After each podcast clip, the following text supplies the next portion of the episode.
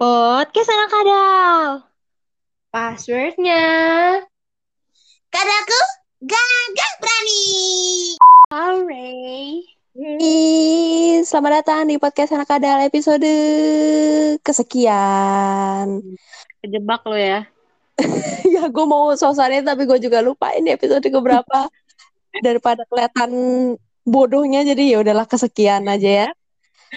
Di hari ini masih ada podcast anak kadal bersama ada diriku, diri Desi dan diri Rafael pada malam hari ini. Eh malam, siang, pagi ya kapan pun teman-teman mendengarkan podcast anak kadal.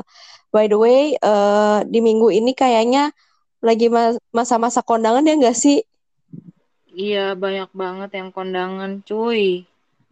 Ya gue ngeliat kayak nggak cuman gue pribadi sih tapi orang-orang juga banyak banget yang kondangan segala macam kayak di usia-usia kita ini udah kayak udah banyak banget ya yang nye- nyebar-nyebar undangan segala macem baik teman-teman kita, saudara segala macem. Tapi kalian pernah gak sih kayak ditanyain sama orang-orang kapan nikah, kapan nikah gitu gak sih? Kalau gua belum dalam fase itu sih. Tapi ya beberapa udah ada yang nanyain, tapi nggak yang intens kayak orang-orang alamin gitu. Kayak tiap kumpul keluarga, kapan ini, kapan ini. Enggak sih. Belum. Hmm. Karena gua kan masih kecil juga kan. Oh, berapa tahun nih kalau boleh tahu nih? 12. 12 tahun, nari. Ini kalau nggak salah 12 tahun itu beberapa tahun yang lalu kan, bukan yang sekarang kan? Enggak, gue hitungannya jam sih. do- Baru 12 jam gua. Menarik usianya udah nggak muda lagi dong, berarti sekarangnya udah kayak anjing dong usianya.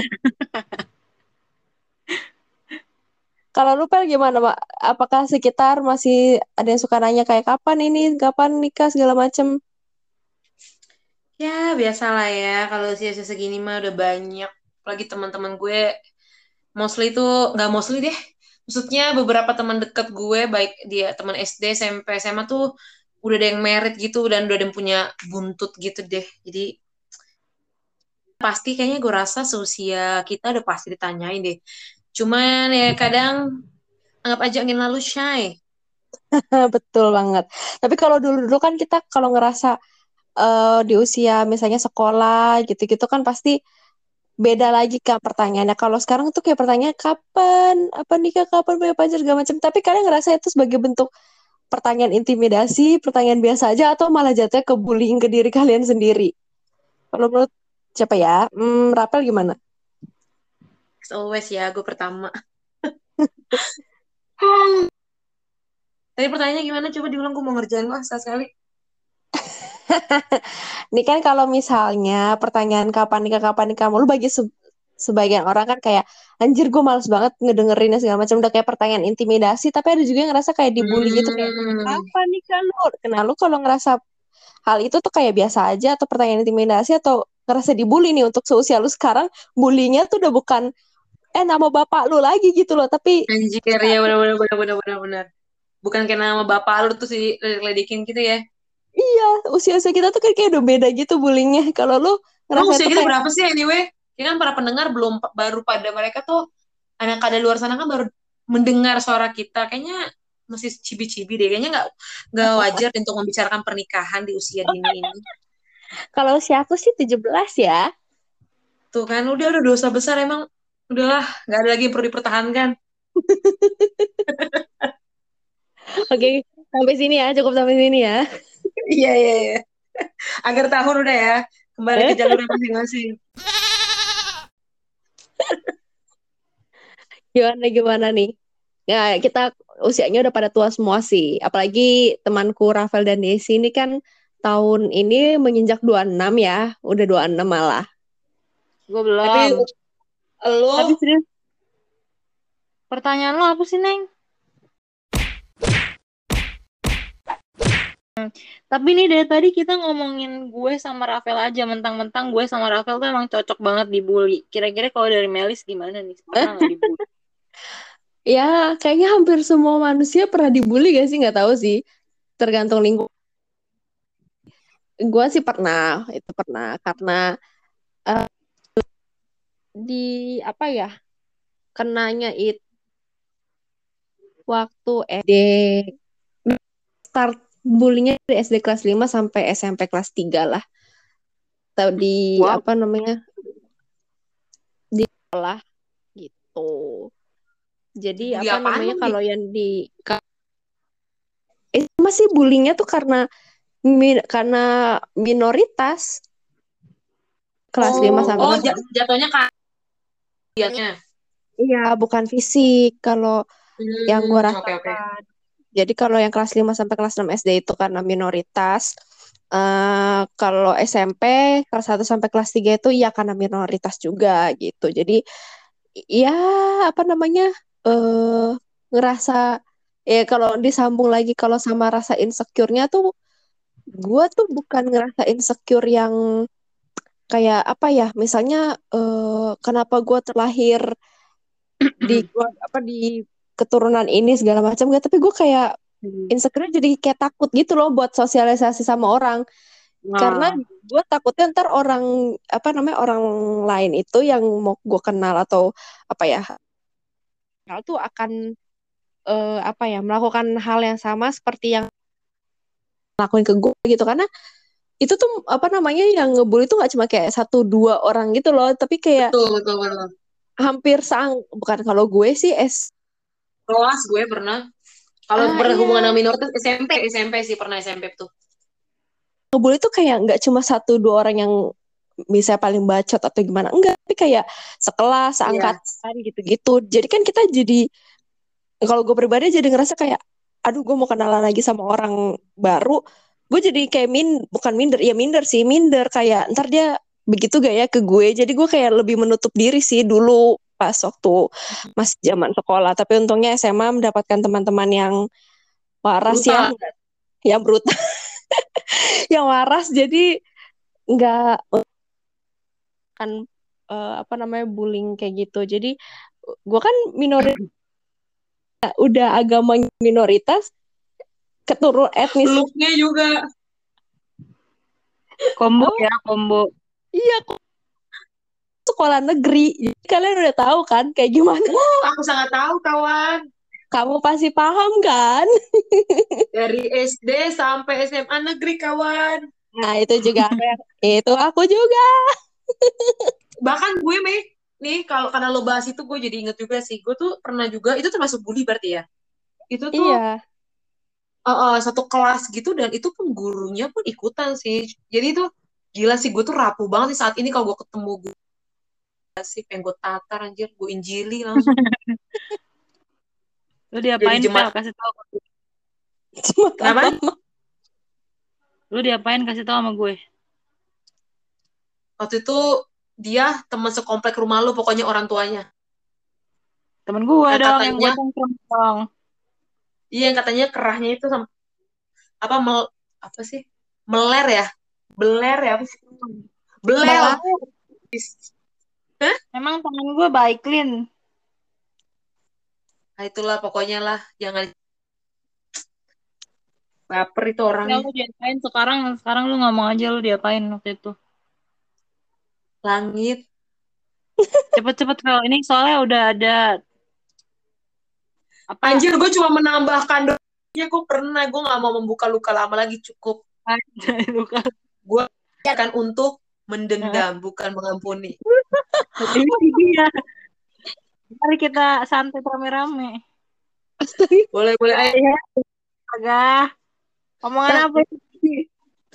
Tapi iya sih, maksudnya tanpa disadari eh apa ya bullying tuh membuat kita jadi insecure segala macam. Tapi untungnya semakin beranjak tua, kita jadi kayak ya udahlah berdamai sama keadaan kayak ya udah terserah apa kata mereka tuh juga mungkin dulu mereka masih kecil yang masih belum ngerti apa-apa tentang bullying segala macam belum sadar tentang bullying jadi kayak ya udahlah mungkin mereka dulu masih sorry tuh saya bego lah buat menilai orang gitu segala macam. Semoga di usia sekarang ini mereka apa ya menilai orang nggak asal ngomong gitu loh karena eh kalau untungnya kita tipe yang udah apa namanya udah berdamai ya sama diri sendiri. Kalau misalnya yang lu pada lihat deh kayak misalnya segala macem itu tuh kayak sampai ada segala macem iya nggak sih?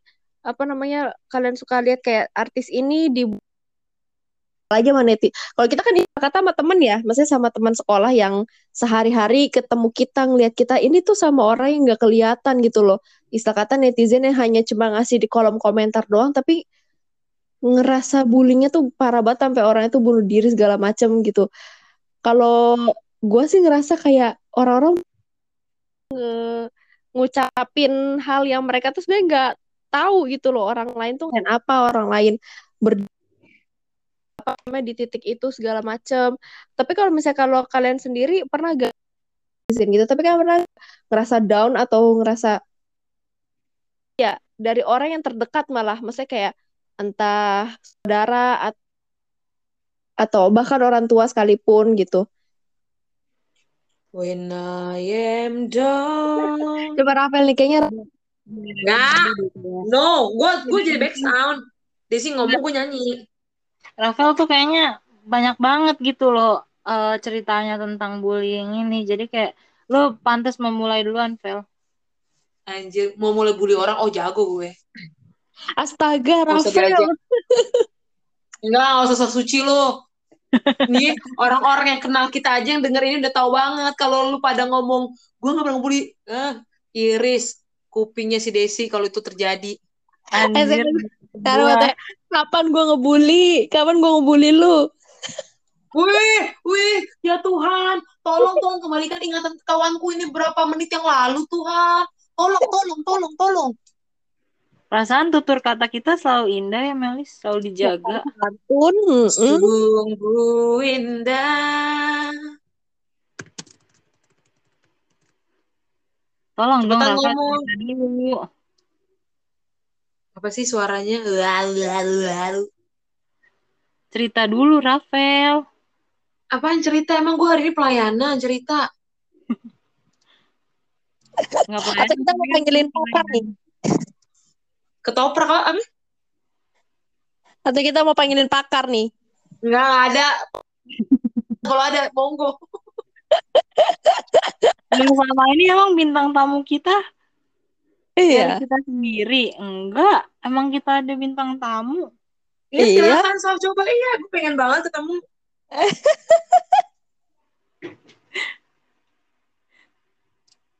Udah siap kan, Pel? Apa? Udah. Udah Jadi dia bisa- mah siap mulu. Gak ada, gak ada, gak ada. Gak ada Jadi- bayarannya, gue sedih. Padahal gue mau jadiin lo artis Korea ceritanya Pel yang udah pernah jadi usah nggak usah ceritanya enggak yang dibully ya Tuhan. Artis Korea before O plus. Aneh, nih, ini nih contohnya nih. Eh tapi bener deh, gue seumur umur kok nggak pernah sih ngebully orang ajarin gue dong. Nih, Ajarin gue please. Itu yang tadi lu bilang minum oat. Ada nggak sih di Google kiat-kiat membuli orang gitu? Gue pengen belajar soalnya. eh, nggak ada kayak membuli orang tapi kalau udah mature udah alam bawah sadar eh tapi kalian pernah berpikir gak sih kalau ngebully itu sebenarnya terkadang ya, terkadang bisa membuat seseorang menjadi bisa apa ya, bisa lebih kebal hatinya. Setuju gak sih kalian kayak gitu? Maksudnya dia bisa jadi lebih lebih apa ya, jadi lebih terbiasa gitu karena udah sering diledekin sama teman tongkrongannya. Ya walaupun sebenarnya itu salah sih ya, mau bagaimanapun pe- pembenarannya. Tapi kadang pernah kepikiran gak sih? Kalau gue sih pernah berpikiran kayak gitu. Ya, jangan-jangan nih orang semakin sering dibully jadi semakin kuat nih dia semakin ibarat kata kebal gitu sama ledekan gitu. Kalian pernah berpikir kayak gitu gak sih? Kalau gue sih pernah ter- terlintas dalam otak gue yang maha suci, maha maha kudus ini begitu. Jadi eh, kan karakter itu kan dibentuk ya kalian kalian pasti tahu lah kalau karakter itu bisa dibentuk. Jadi mungkin itu juga yang Jadi pelajaran IPA ada sih. Hah? Di pelajaran IPA ada karakter dibentuk terus. mana ada itu geografi. Oh Jadi iya, mungkin yang menggerakkan kakak-kakak diklat untuk eh, ngebully maba-maba ya nggak sih? Oh iya. Iya benar karena eh ini serius loh nggak ada ini serius kan ya? Ini gue baru mau jawab. Kan ada Mungkin kan suka LDKS, Iya, ospek. bener-bener. Bener-bener. Tapi gue dia pelakunya. eh, sebenarnya gue mau say sorry nih buat adik-adik junior dulu yang pernah merasa terbully atau segala macam dulu pas waktu SMA karena kan gue dulu sempat ikutan organisasi sekolah lah kayak osis gitu ya osis sih bukan kayak osis gitu. Itu kan di apa ya konsepnya memang harus gue nggak tahu sih Hmm. memang eh, temen gue yang membuat konsep kayak harus apa ya tegas gitu segala macam tapi kalau misalnya eh, ngerasa terbully gue waktu dulu udah say sorry sih ke mereka. Cuma eh eh nggak pakai cuma gue udah say sorry sama mereka cuma kalau masih merasa ada yang sakit Ya hati cuma lah gitu. iya ya. Ya nggak apa-apa deh pakai cuma. Cuma kalau masih ada yang sampai sekarang tersinggung gue saya sorry banget nih. Nggak ada maksud sama sekali itu karena mengikuti konsep. Tapi kalau misalnya di luar dari itu kalian mau jadi teman nggak apa-apa. Udah be- ada beberapa kok adik-adik yang serius serius ada beberapa junior juga yang akhirnya all shopnya gue beli tapi gue ngutang. Mohon maaf, udah dibully dunia nyata. Ekonomiannya juga lo bully. enggak dong Eh tapi anyway sama sih kita mengikut juga dulu OSIS. ya kan Itu. dan lu lu, lu pasti Itu kan tipe Ya itu mana? kembali lagi kita profesional dong. Kan memang dituntut seperti itu dan kita senang. Eh, tapi kan kita juga kita semua kan juga sebelumnya pernah di ospek, pernah di mosin. Hmm. Tapi gue nggak yang sampai parah gitu loh. Maksudnya gue tahu batasan gak kayak sampai anak orang udah capek kita paksa gitu segala macem. Ih, kalau udah capek jangan dipaksa, nanti jadi nggak nggak apa nggak bisa lama. Oh, oh gitu. Ya, Apa tuh yang pertama? bertahan kan, bertahan hidup. Gue lurusin dulu nih. Iya, Oh. nggak jangan dipaksa. Segala sesuatu dipaksa tuh nggak baik. Jangan. Betul, betul, betul. Jadi sebenarnya bully itu sebenarnya sangat erat dengan ini ya. Apa kehidupan kita tahu mau lu di mana pun sebaik-baiknya orang nih, sealim-alimnya lu, seluruh-seluruh hidup lu ada aja yang nggak seneng tuh. Kayak tadi Melis bilang kan kayak kita ngeliatnya artis kok kayak Song, Hye- Song Hye Kyo ya kayaknya anjir lu perfect banget jadi cewek ya. Lu semakin tua aja tuh semakin cakep anjir, karirnya mak- masih oke. Iya, Ada, tapi ada aja yang ngejulitin. Nah, yang begitu aja dijulitin apa kabar gua anjir. Apa gue harus jadi song? Nggak, nggak dapet nih pasti nih. Iya nggak dapet gue. Sorry Jack. Hmm. Sorry, sorry, sorry, Jack. Jadi Berarti memang ya abis eh, apa bully itu rekat erat banget sama kehidupan kita. Entah kita yang membuli atau kita yang dibully itu kayaknya pasti semua orang pernah ngalamin Iya. gitu nggak Dan apalagi di sekolah ya, di dunia pendidikan. Malah Iya. kayaknya harus ada, kayak harus ada di mata kuliah supaya tidak membuli orang gitu. Eh, mata kuliah. Eh tapi Pendi- itu yang seru tau. Tapi maksudnya Apa terkadang bullying itu seru asal sih lihat lagi sih. Jujur gue kalau udah sebenarnya nih ya kalau bully apa kayaknya ke Sarah gue nggak seneng sih bulinya ke Sarah ke berbau Sarah gitu. Mungkin baunya ke Primus. Apaan sih goblok? gue nggak ngerti anjir. Arahnya mau ke mana? Ini Ngelurusin ini gue bingung anjir. ini tuh udah sama kayak hidup gua nggak tahu arah ke mana arahnya mau ke mana Tapi ya gue nggak, gue juga nggak bisa bilang gue juga nggak akan ngebully orang itu pasti harus tetap kita lakukan karena menurut gue dengan ngebully. Tapi gini gini, ini menurut gue ya ngebully itu maksudnya bukan kayak oh gini, gue tadi pengen ngomong gini. Dengan sorry ya, gue punya lah temen tuh udah ngebully depan orang banyak dan dia ketawanya gede banget. Jadi kayak kerasa yang pertama biasa aja nih misalnya gue di level yang oke cuma 30% keselnya misalnya gitu ya. Tapi karena lu ketawanya sangat mengundang orang banyak dan orang yang biasa, apalagi dia ngebully itu depan orang-orang yang notabene tuh orang-orang tersebut nggak terlalu deket sama gue atau orang tersebut nggak tahu banget gue tuh orangnya gimana. Jadi kayak ngerasa Hmm. langsung anjir gue double double double banget nih dibulinya gitu sih. Kayak Jadi menurut gue better gitu. lu kalau ini lu kasih solusi sih misal Des lu kayak King Kong misalnya temen lu ngomong gitu harusnya dia ngasih solusi ke lu Des dia suruh lu berenang dari Anyer sampai Panarukan itu badan lu tuh kayak yang di film Hotel Transylvania tuh si bapaknya tuh nanti Indra Kula dia Dracula pasti Des lu balik ke Pekayun udah begitu Des jadi temen lu ngeledekin lu bukan lagi namanya eh, King Kong Apa tuh? tapi gepeng gelandangan pengemis Dekil kan gue balik-balik. Krem. Eh, tapi serius gitu sih. Kayak gitu kalau menurut gua. Jadi better ya kasih solusi lah. Misalnya, Vel lu kulitnya lu gel- hitam banget anjir gini. Ya lu kasih gua lulu lalu bareng gua spa lah. Wow. Makanya pakai Scarlet Whitening. Aku pakai yang warna ungu dan putih, tapi hasilnya aku jadi abu-abu. Metalik. Jangan menjatuhkan produk orang karena dasar kulit Anda. Eh tapi ini buat para, gue jadi teringat nih. Buat para orang-orang di luar sana yang mendengarkan ini dan lu punya klinik kecantikan, gue tantang klinik apalah pokoknya yang kecantikan berbau dengan kulit-kulit gitu.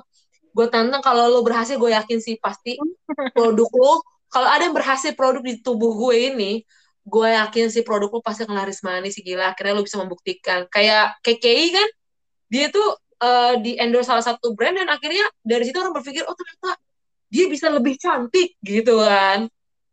Kalau gue kan kali aja gue bisa ini kelihatan gitu aliran darah gue mengalir saking beningnya. Pas gue minum air ngalir kelihatan di usus gue, ginjal gue gitu.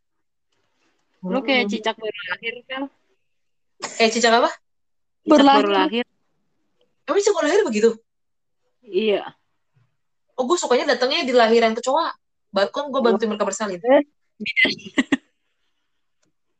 Lu bidan kecoa hamil.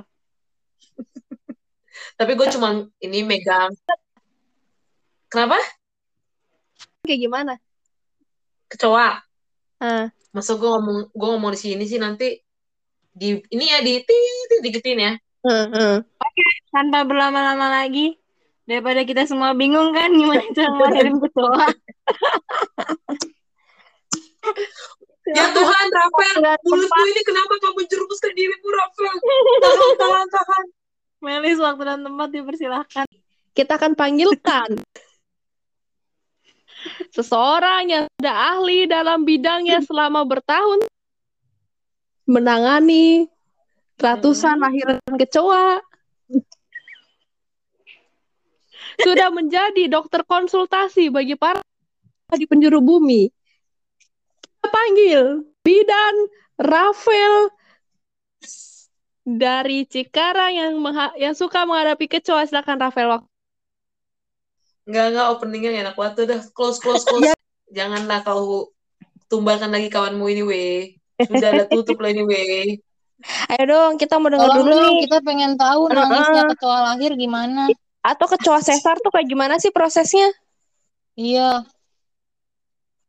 Ini beneran nih nanti kalau udah terkenal, gue seandainya gue dipanggil sendiri, gue nggak bagi duit sama kalian berdua, bener. Ingat nih, di episode ini nih, gue ngomong inget. Oke, kalau misalnya ada kasus lu dipanggil sendiri jangan ajak kita ya. Enggak lah, nggak mungkin. Kalau kasus kan dari kemarin sebenarnya gue udah ada somasi, tapi nggak nyampe ke rumah kalian ya. jadi nggak ada bisa nih yuk, suara bisa yuk. baru lahir. Waktu itu gue, gue sebenarnya bukan bagian dengerin nangisnya mereka sih, gue bantuin apa menenangkan bapaknya kecoa. Gue tiup-tiup, gue tiupin ubun-ubunnya dia tuh yang dekat. Itu kumisnya dia kan panjang ya. Di situ gue tiup-tiupin. Gue lagi gue gituin. Jadi dia agak tenang, Itu relax, relax. apa komang-komang? Nah, kira-kira kalau nangis ibunya nyusuin pakai apa ya? Pakai ventilasi.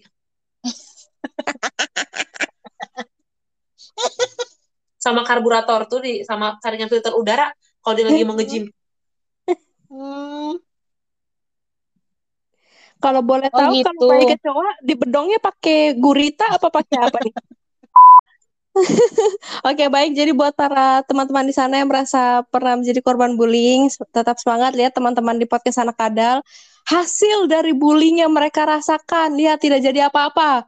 Jadi kalian jangan seperti jadi kalian jangan seperti kami. Karena bisa dilihat sama-sama kalau bullying itu ada buah positifnya juga walaupun lebih banyak yang negatif ya. Iya. Ini awas aja nanti gue dapet jodoh bule, awas lu pada nih semua kalau kata orang-orang, semua mulut-mulut yang nungguin gue, hmm, slebeo. Slep. Orang bule Senegal kan? Kalau kata bapak gue bulenya orang Nepal anjir, kalau nggak Kenya, gila gak sih? nih, bapak gue nih, sorry ya, gue gak ada maksud apa-apa nih untuk beberapa negara tentu. Misalnya nih ada orang nih waktu itu pernah lewat di terakhir-terakhir dari gue. Waktu itu bokap gue, ya bokap gue pernah ke Bali. terus ada orang suku eh gue lupa kalau nggak Afrika apa apa kayak hitam deh bapak gue nelfon gue video call tau nggak tujuannya cuma buat apa Hmm. cuman bilang anjir kan biasa awalnya seneng gitu gue kira mah paling nanya gue eh, di kosan gimana bapak lagi ini kan gitu mah enak ya ini Rapel tadi bapak ketemu kawanmu terus gue kaget dong Hah? Kok bapak gue bisa tahu oh paling temen SMA gue nih yang bapak gue suka lihat gitu lah atau enggak teman gereja Hmm. tapi siapa gitu kan Hmm. anjir iya tadi ada orang kulitnya gelap kayak kamu kayaknya orang Afrika itu anjir kata itu semua orang yang begitu kata temen gue tapi gak apa-apa sih Hmm. orang kulit Hmm. hitam tuh biasanya suara bagus-bagus sih setelah gue pikir-pikir Ya eksotis ya.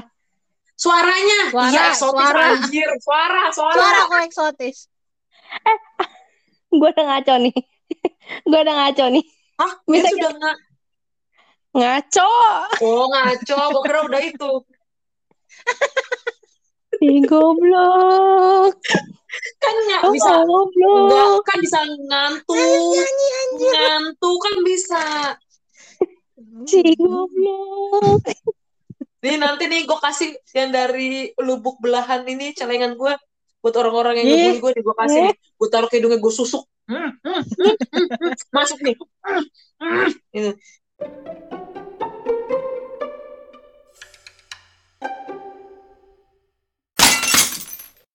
Podcast anak kadal. Passwordnya. Kadaku gagah berani.